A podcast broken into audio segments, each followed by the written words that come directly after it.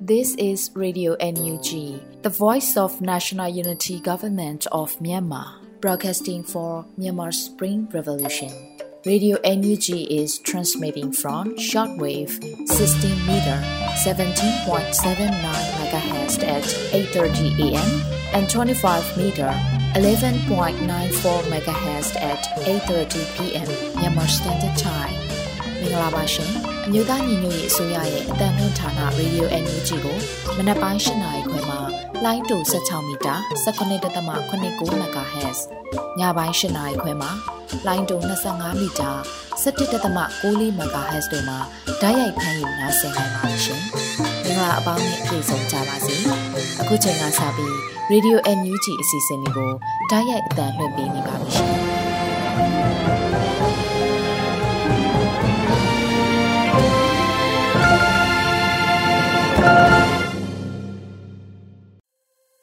င်္ဂလာနံနက်ခင်ပါခင်ဗျာတောတာရှင်တွေအားလုံးနဲ့မြန်မာနိုင်ငံတဝန်းကတော်လိုင်းရေးခရီးသွားပြည်သူများအားလုံးဘေးပရာဝေးကွာကြပါစေအမျိုးသားညီညွတ်ရေးအစိုးရဆက်သွယ်ရေးတည်င်းချက်လက်နဲ့ဤတင်ညာဝန်ကြီးဌာနရေဒီယိုအန်ယူဂျီရဲ့ဇူလိုင်လ9ရက်နေ့မနေ့ပိုင်းထုတ်လွှင့်မှုစီစဉ်တွေကိုစတင်ပါတော့မယ်ကျွန်တော်ကလွတ်လပ်နေဦးပါအခုချိန်ကစပြီးကာကွယ်ရေးဝန်ကြီးဌာနရဲ့စစ်ရေးတည်င်းကျင်းချုပ်တွေကိုဟိန်းကိုကိုကတင်ပြมาဖြစ်ပါတယ်ခင်ဗျာမင်္ဂလာပါခင်ဗျာ မြို့သားညီညွတ်ရေးအစိုးရကာကွယ်ရေးဝန်ကြီးဌာနမှထုတ်ပြန်တဲ့နေ့စဉ်စည်ရေးသတင်းချုပ်ကိုဖတ်ကြားတင်ပြပေးပါတော့မယ်2023ခုနှစ်ဇူလိုင်လ4ရက်နေ့ရရှိတဲ့စီးရင်များအရရဲသူတပ်သားတေဆုံးသူ2ဦးရှိပြီးဒဏ်ရာရရှိသူ4ဦးရှိကြောင်းသတင်းရရှိပါရခင်ဗျာဆက်လက်ပြီးအာနာသိန်းကျန်းဖက်စစ်တပ်နဲ့တိုက်ပွဲဖြစ်ပွားမှုသတင်းများကိုတင်ပြပေးပါမယ်ပဲခူးတိုင်းမှာဇူလိုင်လ3ရက်နေ့မနက်၈နာရီခန့်မှာပေါင်းတယ်မြို့နယ်ရန်ကုန်ပြည်ကားလမ်းဘေးရှိပေါင်းတယ်မြို့ဝင်ဆိုင်ပုံးနဲ့ချိတ်ဆွဲထားတဲ့တတိုင်းလုံးကြီးတပြည်လုံးရဲ့ မင်းအွန်လိုင်းကောင်းဒေါင်းနစ်နဲ့ပွဲလို့ရေးသားထားတဲ့စာတမ်းကိုလာဖြုတ်တဲ့ရန်သူတပ်ဖွဲ့ဝင်9ဦးကို PKI PDF တပ်ရင်း3631တပ်ခွဲ9ပေါင်းတယ်မြို့နယ်ပြည်သူ့ကာကွယ်ရေးတပ်ဖွဲ့ PPDF ကဝေထိန်မိုင်းဖြင့်ဖောက်ခွဲတိုက်ခိုက်ခဲ့ရာရန်သူတပ်ဖွဲ့ဝင်များဘက်မှထိခိုက်ဒေဆုံးမှုရှိနိုင်ကြောင်းသတင်းရရှိပါသည်။ဇူလိုင်လ3ရက်နေ့မနက်9:00နာရီခန့်မှာရန်သူအင်အား30ခန့်ကပေါင်းတယ်မြို့နယ် ရစ်မတောင်ကျောမှတဆင့်တောင်ခမောက်တောင်ဘက်သို့ဆက်ထွက်လာရာ PKI PDF တပ်ရင်း3631တက်ခွဲ9 PPDF မှလိုက်လံပစ်ခတ်စဉ်ရန်သူတပ်သားတူတေဆုံးခဲ့ကြောင်းသတင်းရရှိပါရတယ်။ဇွန်လ30ရက်နေ့မနက်7:12မိနစ်ခန့်မှာထန်းတပင်မြို့နယ်တရတန်းကျေးရွာရှိရန်သူတပ်ဖွဲ့ကို KNL နဲ့ရိုးမစစ်ကြောင်းနှင့်ပူးပေါင်းဖွဲ့မှ60မမဘုံဒီနှလုံးဖြင့် drone အသုံးပြုပြီးတိုက်ခိုက်ခဲ့ရာရန်သူတပ်ဖွဲ့ဝင်၄ဦးထိခိုက်ဒဏ်ရာရရှိခဲ့ပြီးတဦးစိုးရင်ရကြောင်းသတင်းရရှိပါရခင်ဗျာ။ ဆက်လက်ပြီးအာနာသိန်းဂျပတ်စစ်တပ်ကျူးလွန်တဲ့ရာဇဝတ်မှုများကိုတင်ပြပေးပါမယ်။ AR တိုင်းမှာဇူလိုင်လ3ရက်နေ့မနက်ပိုင်းမှာဟင်္ဒရာမြို့မှာစစ်သားနဲ့ရဲများအင်အားသုံး၍မြို့ပတ်လျက်ရှိနေပြီးရှာဖွေဖမ်းဆီးစစ်ဆေးခြင်းများရှိနေပါတယ်။နိုင်ငံရေးပုံမှန်များဖြင့်ဖမ်းဆီးခံရသူများကိုထောင်ဒဏ်250အထိခရိုင်တရားသူကြီးမှအမိန့်ချနေကြောင်းသိရှိရပြီးတရားသူကြီးများဥပဒေအရာရှိများအားလုံးငွေမတရားတောင်းလျက်ရှိကြောင်းသတင်းရရှိပါရခင်ဗျာ။ဟုတ်ကဲ့ပါ။ အခုသတင်းများကိုမြေပြင်သတင်းတာဝန်ခံများနဲ့ခိုင်လုံသောသတင်းရင်းမြစ်များမှစုစည်းတင်ပြပေးထားတာဖြစ်ပါတယ်ခင်ဗျာကျွန်တော်ဟိတ်ကိုကိုပါ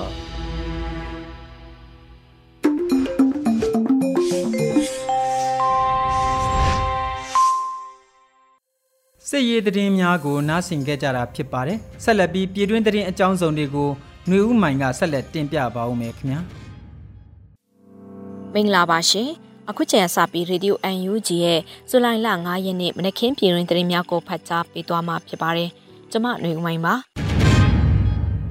ပထမဆုံးအနေနဲ့တော်လှန်ကာလအတွင်းမှာပြည်သူလူထုရဲ့တော်လှန်ရေးရည်ချင်းကိုအောက်မကျအောင်တွန်းတင်နိုင်ဖို့အတွက်အထူးဂရုစိုက်ကြဖို့ပြည်သူစစ်ဆိုင်ရဲ့အဖွဲ့ကိုယာယီသမရပြောကြားတဲ့သတင်းကိုတင်ပြပေးချင်ပါတယ်။ အမျိုးသားညီညွတ်ရေးအစိုးရ22ကြိမ်မြောက်အစိုးရအဖွဲ့အစည်းအဝေးမှာတော်လှန်ကာလတွင်ပြည်သူလူထုရဲ့တော်လှန်ရေးချိန်ကိုအောင်မကြအောင်တွန်းတင်နိုင်ဖို့အတွက်အထူးဂရုစိုက်ကြဖို့ပြည်သူဆက်ဆံရေးအဖွဲ့ကိုယာယီသမရဒူဝါလရှိလာကပြောပါတယ်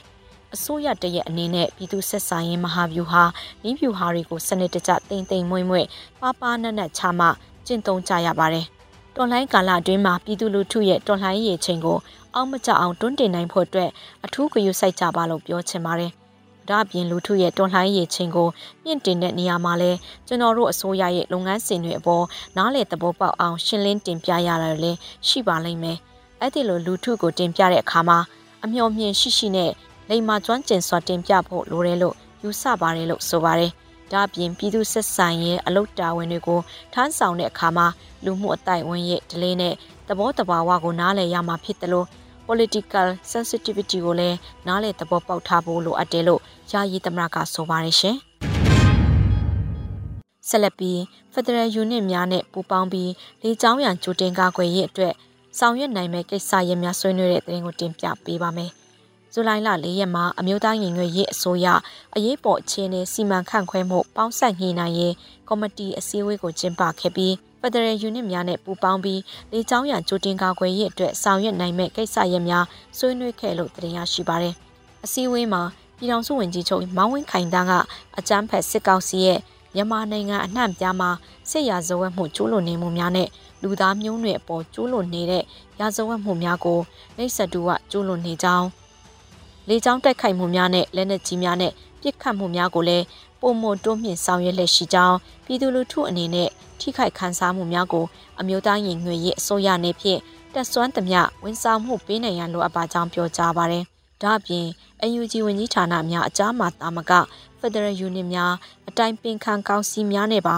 နီးနီးကပ်ကပ်ပူးပေါင်းဆောင်ရွက်သွားနိုင်ရန်ဝန်ကြီးချုပ်ကပြောကြားခဲ့ပါတယ်။ဆက်လက်ပြီး EOCC ရဲ့ဖွဲ့စည်းဆောင်ရွက်မှုနဲ့လုပ်ငန်းတာဝန်များ Federal Unit များနဲ့ပူးပေါင်းပြီးလေကြောင်းရန်ကြိုတင်ကာကွယ်ရေးအတွက်ဆောင်ရွက်နိုင်မယ့်ကိစ္စရပ်များလေကြောင်းရန်ကြိုတင်ကာကွယ်ရေးမှာဤပညာပိုင်းဆိုင်ရာပံ့ပိုးဆောင်ရွက်နိုင်မယ့်ကိစ္စရပ်များပစီကြီးကျေးရွာလေကြောင်းတိုက်ခိုက်ခံရမှုဖြစ်စဉ်နဲ့ဝိုခါဆိုင်ကလုန်းမုန်တိုင်းအရေးပေါ်တုံ့ပြန်ရေးလှုပ်ဆောင်ချက်များမှတင်ခန်းစာတွေ့ရှိချက်များကိုဝင်ကြီးဌာနတည်တည်မှတာဝန်ရှိသူများကဆွေးနွေးတင်ပြခဲ့ကြပါတယ်ရှင်။ အရှိတီမောနိုင်ငံအမျိုးသားလွှတ်တော်ဥက္ကဋ္ဌနဲ့ UNG နိုင်ငံချိုင်းဝင်ကြီးဌာနပြည်ထောင်စုဝင်ကြီးဒေါ်စင်မအောင်တို့တွေ့ဆုံခဲ့တဲ့တဲ့ရင်ကိုဆက်လက်တင်ပြပါမယ်။အမျိုးသားရင်ရွေးရေးအစိုးရနိုင်ငံချိုင်းဝင်ကြီးဒေါ်စင်မအောင်အပါအဝင်ချက်နိုင်ငံ UNG ကိုစလဲဦးလင်းတန်တို့ဟာအရှိတီမောနိုင်ငံအမျိုးသားလွှတ်တော်ဥက္ကဋ္ဌနဲ့တွေ့ဆုံဆွေးနွေးခဲ့ပါတယ်။အရှိတီမောနိုင်ငံသမရအိုဆီရမော့စ်ဟော်တာရဲ့ဖိတ်ကြားချက်အရအရှိတီမောကိုရောက်ရှိနေစဉ်မှာတွေ့ဆုံခဲ့တာဖြစ်ပါတယ်။ အရှိတီမောနိုင်ငံရဲ့အစိုးရသက်ကျန်းသစ္စာကျိန်ဆိုပွဲကို အရှိတီမောနိုင်ငံသမရဖြစ်သူဟိုဆီရမော့စ်ဟော်တာက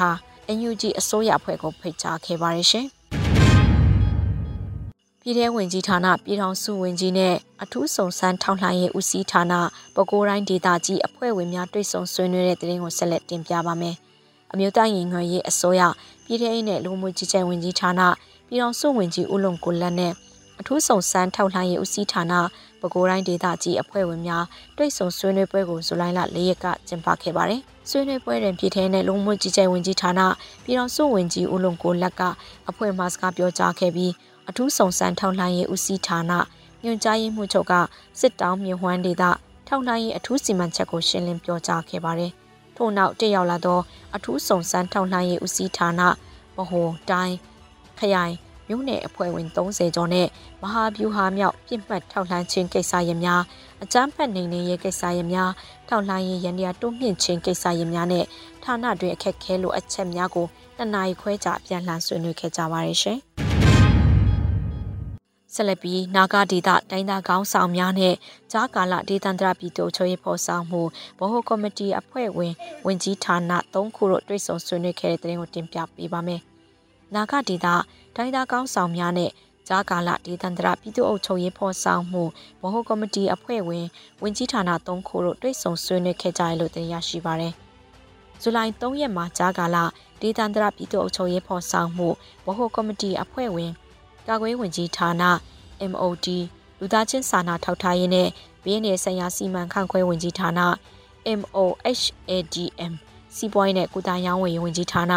MOC မှ ပြည်ထောင်စုဝင်ကြီးများတာဝန်ရှိသူများနဲ့နာဂဒေတာတိုင်းသားခေါင်းဆောင်တို့တွေ့ဆုံခဲ့ပါတယ်။ဆွေးနွေးပွဲတွင်ဂျာကာလဒေသန္တရပြည်သူ့ချုပ်ရေးဖော်ဆောင်မှုဗဟိုကော်မတီအဖွဲ့ဝင်ဝင်ကြီးဌာနများဘက်မှမိမိတို့ဌာနလိုက်ဂျာကာလဒေသန္တရပြည်သူ့အုပ်ချုပ်ရေးဖော်ဆောင်မှုအခြေအနေများနဲ့နာဂဒေတာတွင်ပူပေါင်းဆောင်ရွက်နိုင်မိကိစ္စရပ်များကိုတင်ပြခဲ့ကြပြီးတက်ရောက်လာကြသောနာဂဒေတာတိုင်းသားကောင်းဆောင်များဖက်မှလည်းပူပေါင်းဆောင်ရွက်နိုင်မိကိစ္စရပ်များကို အပြန်လှန်ရင်းနှီးပွင့်လင်းစွာဆွေးနွေးခဲ့ကြပါတယ်။ထို့သောဆွေးနွေးရာတွင်လူသားချင်းစာနာထောက်ထားရေးနှင့်ဘဘေးနယ်ဆိုင်ရာစီမံခန့်ခွဲဝင်ကြီးဌာန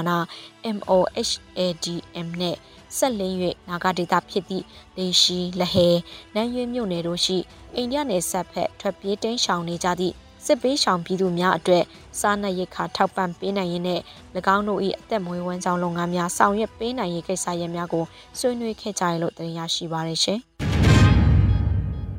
စစ်ကောင်စီရဲ့တိုက်လေရင်ကိုပစ်ချတဲ့မှတ်တမ်းများကရင်နီကလာလာတာကစုဆောင်းနေတဲ့တဲ့ရင်ကိုဆက်လက်တင်ပြပါမယ်။စစ်ကောင်စီရဲ့တိုက်လေရင်ကိုပစ်ချတဲ့မှတ်တမ်းများကရင်နီကလာလာတာကစုဆောင်းနေတယ်လို့ဇူလိုင်၄ရက်နေ့မှာကရင်နီပြည်လူမျိုးပေါင်းစုပြည်သူ့လွတ်မြောက်ရေးတအုပ်ကလာလာတာမှရဲဘော်လုံးရင်ဆိုကတီးပြုတ်ပြောပါရယ်ဒီပြုတ်နိုင်ဖို့အတွက်ကတော့ပုံလေးလောက်နေတယ်ဒါပေမဲ့သူတို့ဒီစစ်ကောင်စီကဒီ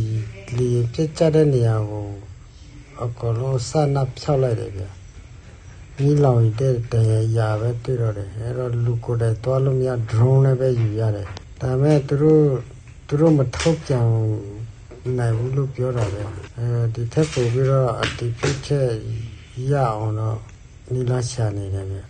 ကရင်နီကလာလာတာမှဇွန်လ30ရက်နေ့ကရင်နီဒေသဘောလခဲမြို့နယ်ရွာသက်မြို့နယ်ခွဲအတွင်း တိုက်ပွဲတွင်စစ်ကောင်စီရဲ့အပေါ့စားတိုက်လင်းတစည်းကိုပစ်ချနိုင်ခဲ့လို့အတီးပြုတ်တရင်ထုတ်ပြန်ခဲ့ပါတယ်။ဇူလိုင်၄ရက်ကကျင်းပတဲ့အမျိုးသားညီညွတ်ရေးအစိုးရရဲ့22ကြိမ်မြောက်အစိုးရအဖွဲ့အစည်းအဝေးမှာချင်းတော်လိုင်းအင်အားစုတွေကအကြမ်းဖက်ဆဲအုပ်စုရဲ့တန်ချက်ကရင်နှစ်စီးကိုချေမုံပျက်စီးနိုင်ခဲ့တာကိုအထောက်ထားတွေနဲ့တကွတင်ပြလာတဲ့အတွက်အမျိုးသားရင်ငွေရဲ့အစိုးရအနေနဲ့ထုတ်ပြန်ခဲ့တဲ့ကြေညာချက်နဲ့ညီတန်ချက်ကရင်တစည်းကို ကျပ်သိန်း2000နဲ့နှစ်စီးအတွက်မြန်မာကျပ်ငွေသိန်း4000ကိုချင်းပြည်နယ် CNF CNA နဲ့ CDF ရဲ့တာဝန်ရှိသူတွေကိုကွန်ပျူတာချီးမြှင့်ခဲ့ပါတယ်ရှင်။ဆက်လက်ပြီးနိုင်ငံတော်ဝန်၌ကျန်းဖက်စစ်အုပ်စု၏လက်အောက်ခံတရားရုံးများမှမတရားပုံမှန်များဖြင့်ထောင်ဒဏ်ချမှတ်ခံထားရသူចောင်းသားနဲ့ចောင်းသူစုစုပေါင်း138ဦးထိရှိလာတဲ့တဲ့တင်ကိုတင်ပြပါမယ်။နိုင်ငံတော်ဝန်၌ အကြမ်းဖက်စစ်အုပ်စု၏လက်ခံတရားရုံးများမှမတရားပုံမှန်များဖြင့်ထောင်ဒဏ်ချမှတ်ခံထားရသူចောင်းသားနဲ့ចောင်းသူစုစုပေါင်း138ဦးထိရှိလာပါတယ်။နိုင်ငံရေးအကျဉ်းသားများကုညီဆောင်ရှောက်ရေးအသင်းမှကောက်ယူထားသောသတင်းအချက်အလက်များကိုဇူလိုင်၄ရက်ထုတ်ပြန်ခဲ့ပါတယ်။2021ခုနှစ်ဖေဖော်ဝါရီလမှ2023ခုနှစ်ဇူလိုင်လ4ရက်နေ့အထိနိုင်ငံတော်ဝန်၌အကြမ်းဖက်စစ်အုပ်စု၏လက်ခံတရားရုံးများမှမတရားပုံမှန်များဖြင့်ထောင်ဒဏ်ချမှတ်ခံထားရသူ ကျောင်းသူ32ဦးနဲ့ကျောင်းသား109ဦးစုစုပေါင်း138ဦးရှိပါတယ်လို့ဖော်ပြပါတယ်။ထို138ဦးတွင်ရန်ကုန်တိုင်းမှာ65ဦးဖြင့်အများဆုံးပါဝင်ခဲ့ပါတယ်။ဇွန်လ30ရက်နေ့တွင်ရန်ကုန်စီးပွားရေးတက္ကသိုလ်ကျောင်းသားများတမက၏ဒုတိယဥက္ကဋ္ဌဖြစ်သည့်စီးပွားရေးတက္ကသိုလ်စရင်အင်းပညာဌာနမှတတိယနှစ်ကျောင်းသားကိုထက်ပိုင်စိုးကိုရန်ကုန်အရှိပိုင်းခရိုင်တရားရုံးမှအကြမ်းဖက်မှုတိုက်ဖျက်ရေးဥပဒေပုံမှန်90ညဖြင့် အလုံးနဲ့ထောင်ဒဏ်10နှစ်ချမှတ်ခဲ့ပါတယ်ရှင်။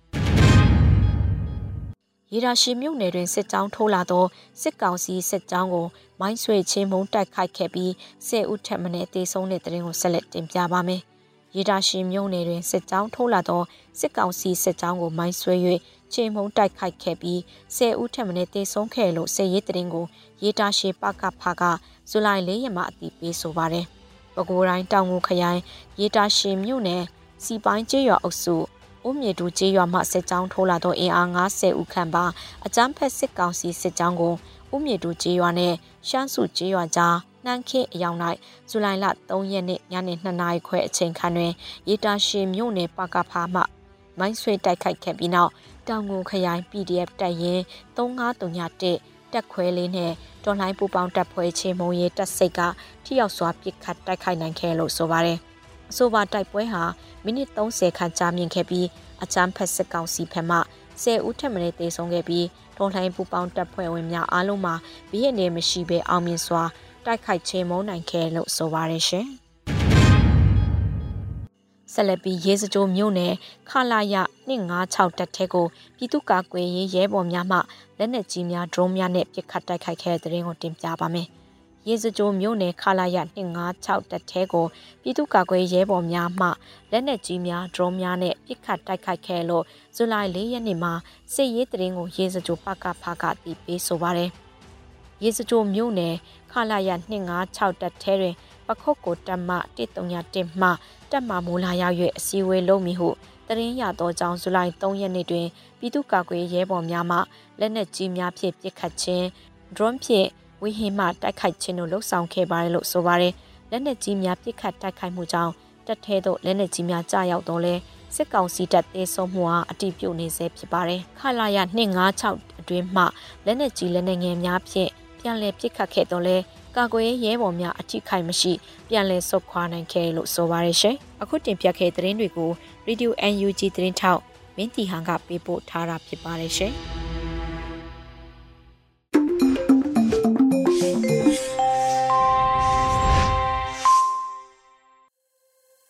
ဇူလိုင်လ9ရက်နေ့ Radio UNG ရဲ့မနက်ပိုင်းထုတ်လွှင့်မှုအစီအစဉ်တွေကိုနားဆင်နေရတာဖြစ်ပါတယ်ဆက်လက်အလှည့်ကျတဲ့အစီအစဉ်ကတော့တော်လိုင်းကြီးကြပြဖြစ်ပါတယ်ကန္နဝေမြို့ကြီးရဲ့ပြည်တော်ဝင်းလို့အမည်ရတဲ့ကြပြာကိုမင်းကိုနိုင်ရေးသားပြီးကိုမင်းကိုနိုင်တဲ့တကွာဒေါင်းကိုမုံတိုင်းနဲ့မောင်ဖြိုးဝေတို့ကစုပေါင်းခန်းစားရွတ်ဖတ်ထားကြပါတယ်ခင်ဗျာကန္နဝေမြို့ကြီးရဲ့ပြည်တော်ဝင်းကျုံတော်ပတ်လေ နမ်းမြို့ရိုးပြအိုးပြစ်စင်ပေါ်စိန်ကြောင်နီလာ အမုံတွေကျဲချထားတဲ့ည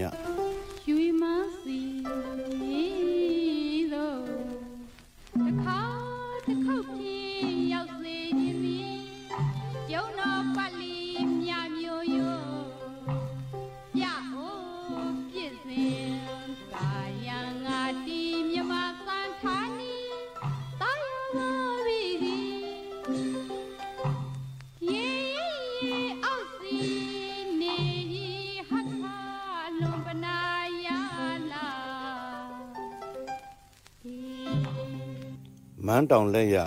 အမှောင်မှာရောင်စုံမြင်ပါပါတွေမော်ဝင်တဲ့ည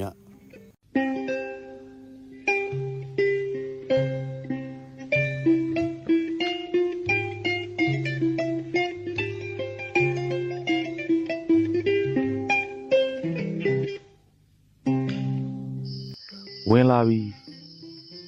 မန္တလေးဟာအရင်လိုနန်းသွေးနဲ့ရဲလို့အုတ် ကျစ်ကြော်အေးမှာနန်းတီထောင်ဖုံးရောင်နေတို့လင်းဦးကောင်းလိန်ထုတ်တော့အာလဝီတကားကဂောဝင်စိတ်ကိုစင်း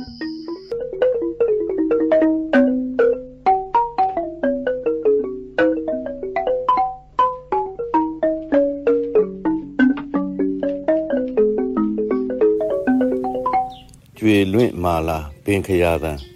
ရင်နာနာနဲ့ နာခံဘူးတဲ့မြို့စစ်တံခိတံတွေကြောတရားရင်တရားပြေးနေတဲ့မြို့အာဂန္တုတွေအแทဝင်တော့တန်တွေတွေကအပြင်ရောက်ဒါပေမဲ့ရောက်ရာအရက်ကနေချစ်နေရတဲ့မြို့တရားမချပါနဲ့ဓမ္မကတိကလေးတန်နဲ့ပြန်ဟောရလောက်အောင် လောကရန်က ခါချိုးအောင်ထိုးနှစ်ခံပြီးသားခါချိုးပြီးကရတဲ့ကြပြာလွတ်အကကိုထွင်ခဲ့တဲ့မြို့မြို့ကလမ်းအလုံးအဖြောက်စိတ်တွေလည်းအဖြောက်မြေကလည်းစီမျက်နာကြီးကဲ့သို့ညီပါပြီစိတ်တွေလည်းမြေသားနဲ့အတူညီပါပြီတောင်ပေါ်စာမြေပြန့်စာအစုံတင်တဲ့လက်ဖက်ရည်ဆိုင်တွေ မြင်ကွင်းကျဲကျဲမျက်စိကျဲကျဲကျုံးတော်ပတ်လဲစတုဒီတာစင်ကလေးတွေနဲ့ smart city ပုံတော်ဖနက်စီဒေါင်ကောင်းကောင်းမြို့ငါတို့ပြန်မရတော့ဘူးလားနားလည်မှုမီးပွိုင်တွေမှာအပြန်အလှန်စာနာမှုနဲ့ဦးစားပေးတဲ့မြို့ဟာလက်သုံးချောင်းထောင်ရင်လမ်းမပေါ်ခွေကနေကြခဲ့တဲ့ ရင်သွေးတွေကိုအိမ်မက်ထဲတိုင်ပြေးပြေးပွေ့နေတော့မဟုတ်လားကဘာစစ်မီလူလုံမီးတွေကြားပြာပုံတွေကကုံကုံထစပိန်ခစ်စပိန်စိုက်ကယ်ခစ်စိုက်ကယ်အရာရာကို ရင်ပေါင်တန်းအတူခံစားခဲ့ကြတဲ့မြို့ဒီမြို့ပြန်မရတော့ဘူးလား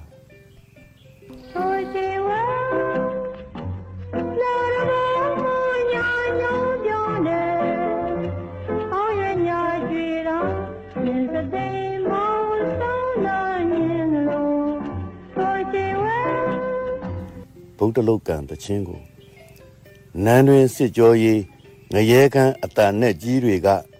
ဖိတက်လိုက်တယ်မန္တလေးဟာနားပိတ်ရှက်ရွံ့စွန့်အပ်ခဲ့တာကြာပါပြီစပယ်ဖြူတွေသွေးစွန်းပြီကိုပိုင်ကိုမွေးအာဇာနီ18ဦးတွေးနဲ့ဒီယာတင်ထွန်းကျေစင်ဝေယံထွန်းနဲ့အိမ်ပြန်ခြင်းနဲ့သာသမီများ အားလုံးအတွက်ဂျုံနပေးတနေရာအမေဟိုအတွက်ချန်ထားပါခစ်ကတောင်းလို့တိုက်ပွဲခေါ်ရင် အောင်ပင်လေကလူပင်လေဖြစ်ပြဒီရေကြွပုံမျိုးမန္တလေးပြန်မလာတော့ဘူးလား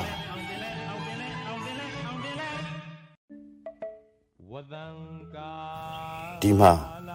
ယာစုအဆက်ဆက်ကက်သမိုင်းအဆက်ဆက်တရားအတွက် ဓာတ်ထက်ထက်မြဲဘေတိုးပုံဆိုရင်ရွှေမိုးညိုပြီးသားမန္တလေးကရွှေမိုးညိုပြီးသားပါဘကွယ်ဟာအတညက်မညင်ပါဘူးကြားလားနမ်းမြင့်ဘိုးစီကနှောင်းဒိုင်းနဲ့နီလာမုံနေတအီအီပြိုးနေတဲ့ကျုံတော်ပတ်လေ သူရဲကောင်းတို့အယိုးတွေအိုးဝေလို့ထတွန်တဲ့ညကာလများစွာတားပြောက်ရှာသူ အမေအိုကမ်းမဲ့တပြေညိုပန်းတွေမျက်ရည်ဆိုးလို့မန္တလေးဟာကျေစုံကောင်းကင်ပြည်တော်ဝဲမင်းကိုနိုင်28ရက်6လ2023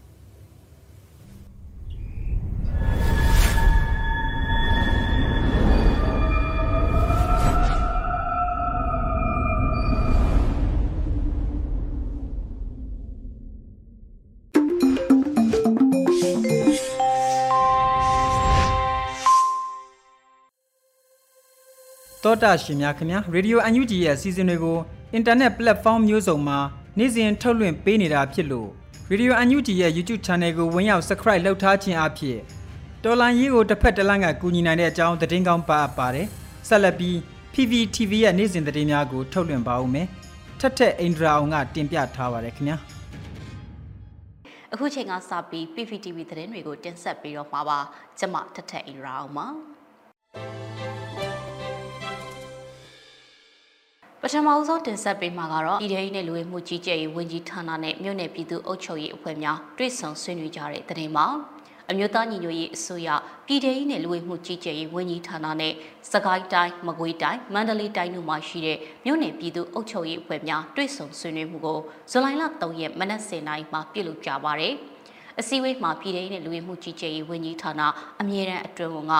စနစ်မြင့်ဆောင်2023အစည်းအဝေးမှာဆောင်ရွက်ပြီးစီးမှုရှေ့လုပ်ငန်းစဉ်နဲ့လုပ်ငန်းဆောင်ရွက်ချက်တွေကိုရှင်းလင်းပြောကြားခဲ့ပါတယ်။အဲဒီနောက်မှာတော့မြို့နယ်ပြည်သူ့အုပ်ချုပ်ရေးအဖွဲ့ဝင်တွေကမူဝါဒလမ်းညွှန်ချက်များမြေပြင်အုပ်ချုပ်ရေးဆောင်ရွက်နေမှုများကြုံတွေ့နေရတဲ့အခက်အခဲတွေကိုမေးမြန်းဆွေးနွေးရာဝန်ကြီးဌာနတာဝန်ရှိသူတွေကပြန်လည်ဖြေကြားခဲ့ပါတယ်။ အစည်းအဝေးကိုအမြဲတမ်းအတွင်းဝန်ကဦးဆောင်ကတွဲဘက်အမြဲတမ်းအတွင်းဝန်များပြည်သူ့အုပ်ချုပ်ရေးဦးစီးဌာနပြည်သူ့ရဲတပ်ဖွဲ့နဲ့မိသက်ဦးစီးဌာနလူဝင်မှုကြီးကြပ်ရေးဦးစီးဌာနအထူးဆောင်စံထောက်လှမ်းရေးဦးစီးဌာနတို့ကတာဝန်ရှိသူများစကိုင်းမကွေးမန္တလေးတိုင်းတို့မှာရှိတဲ့မြို့နယ်ပြည်သူ့အုပ်ချုပ်ရေးအဖွဲ့ဝင်များတက်ရောက်ခဲ့ကြတယ်လို့ပြည်ထောင်စုနယ်တွေမှုကြီးကြပ်ရေးဝန်ကြီးဌာနကတည်ထုတ်ပြန်ထားပါတယ်။ အခုတခါတင်ဆက်ပေးမှာကတော့တဝဲရန်ကိုအမှတ်၈ကားလမ်းမကြီးကိုတော်လိုင်းအင်အားစုတွေလွှမ်းမိုးထိန်းချုပ်နိုင်ဖို့စတင်ကြိုးပမ်းနေတဲ့ဆိုတဲ့သတင်းမှာတဝဲပြည်သူ့လွတ်မြောက်ရေးတပ်ဖွဲ့ TPLF နဲ့ပူးပေါင်းအဖွဲ့တွေကတဝဲရန်ကုန်အမှတ်၈ကားလမ်းမကြီးကိုလွှမ်းမိုးထိန်းချုပ်နိုင်ဖို့နယ်မြေစုမှုရေးလုပ်ငန်းတွေစတင်ကြိုးပမ်းလှုပ်ဆောင်နေတယ်လို့တဝဲပြည်သူ့လွတ်မြောက်ရေးတပ်ဖွဲ့ကဒီကနေ့မှအသိပေးထားပါတယ်။ အမရှိလမ်းမကြီးကိုလွှမ်းမိုးထိန်းချုပ်နိုင်ဖို့အတွက်ခြေလမ်းစတင်နေတာဖြစ်ပါတယ်လို့တဝဲပြည်သူလွတ်မြောက်ရေးတပ်ဖွဲ့ကော့ဘရာကပြောပါတယ်။ဒါအပြင်အိမ်ပြန်ချိန်နေမဝေးတော့ဘူးဆိုတာကိုလည်းသူကပြည်သူကိုသတင်းစကားပါလိုက်ပါသေးတယ်။ပြည်သူတွေအနေနဲ့တတိထားသွားလာကြဖို့နဲ့တော်လှန်ရေးအင်အားစုတွေနဲ့အတက်နိုင်ဆုံးပူးပေါင်းပါဝင်ပေးဖို့ကိုလည်းမြစ်တာရက်ခံပါကြောင်းသူကဆက်ပြောပါရယ်။တ ဇူလိုင်လ2ရက်နေ့မှာလုံခြုံရေးအရာစစ်ဆေးမှုတွေလှုံ့ဆော်ခဲ့ပြီးအဲ့ဒီစစ်ဆေးမှုကိုပူးပေါင်းပါဝင်ပေးကြတဲ့ခီးသွွားပြည်သူတွေကိုအထူးကျေးဇူးတင်ရှိတယ်လို့လည်းဆိုထားပါတယ်။နယ်မြေစုံမိုးရေးလုပ်ငန်းတွေကိုတဝဲပြည်သူလွတ်မြောက်ရေးတပ်ဖွဲ့ကံပေါက်ဒေတာကာကွယ်ရေးတပ်ဖွဲ့တဝဲခရိုင်ပြည်သူကာကွယ်ရေးတပ်မတော်နဲ့ဝေဟင်ပြည်သူကာကွယ်ရေးအဖွဲ့ပကဖာတို့ပူးပေါင်းဆောင်ရွက်ခဲ့တာပါ။ ဒါအပြင်ဇင်ရော်ပြည်သူ့ကာကွယ်ရေးအဖွဲ့ပကဖာတနင်္သာရီတိုင်းပြည်သူ့ကာကွယ်ရေးတပ်ဖွဲ့ TPDF ရေးဖြူအလဲပိုင်းပြည်သူ့ကာကွယ်ရေးအဖွဲ့ပကဖာနဲ့ဒဝဲအမျိုးသားလွတ်မြောက်ရေးတပ်တော် DNLA အဖွဲ့တွေလည်းပူးပေါင်းဆောင်ရွက်ခဲ့ပါတယ်။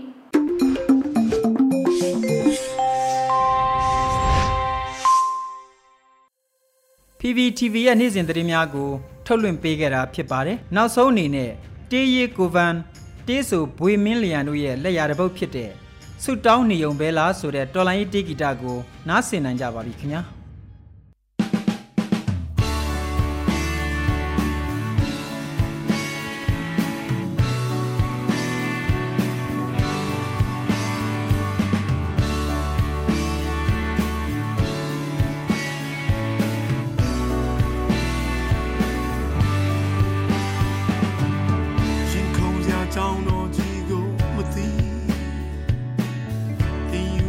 Niggas are so low.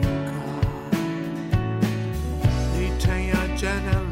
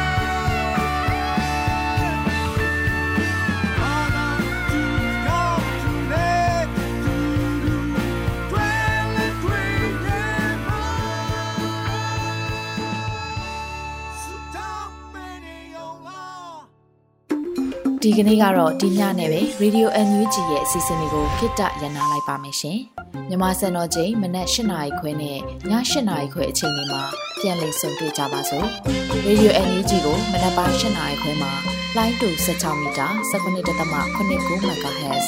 ညပိုင်း၈နာရီခွဲမှာလိုင်းတူ25မီတာ17.6 MHz တို့မှာဓာတ်ရိုက်ဖမ်းလို့နိုင်စေနိုင်ပါပြီ။ မြန်မာနိုင်ငံသူနိုင်ငံသားတွေကိုစိတ်နှပြကျန်းမာချမ်းသာလို့ဘေးကင်းလုံခြုံကြပါစေလို့ Radio NUG အဖွဲ့သူဖွဲ့သားတွေကဆုတောင်းမြတ်တာပို့တာလာရပါတယ်ရှင်။မြေသားညီမတွေအစိုးရရဲ့စက်သွေးရေးသတင်းအချက်အလက်တွေပညာဝန်ကြီးဌာနကထုတ်လွှင့်နေတဲ့ Radio NUG ဖြစ်ပါတယ်။ San Francisco Bay Area အခြေစိုက်မြန်မာမိသားစုတွေနဲ့နိုင်ငံတကာကစေတနာရှင်လို့အားပေးနေတဲ့ Radio NUG ဖြစ်ပါတယ်။အရေးတော်ပုံအောင်ရမည်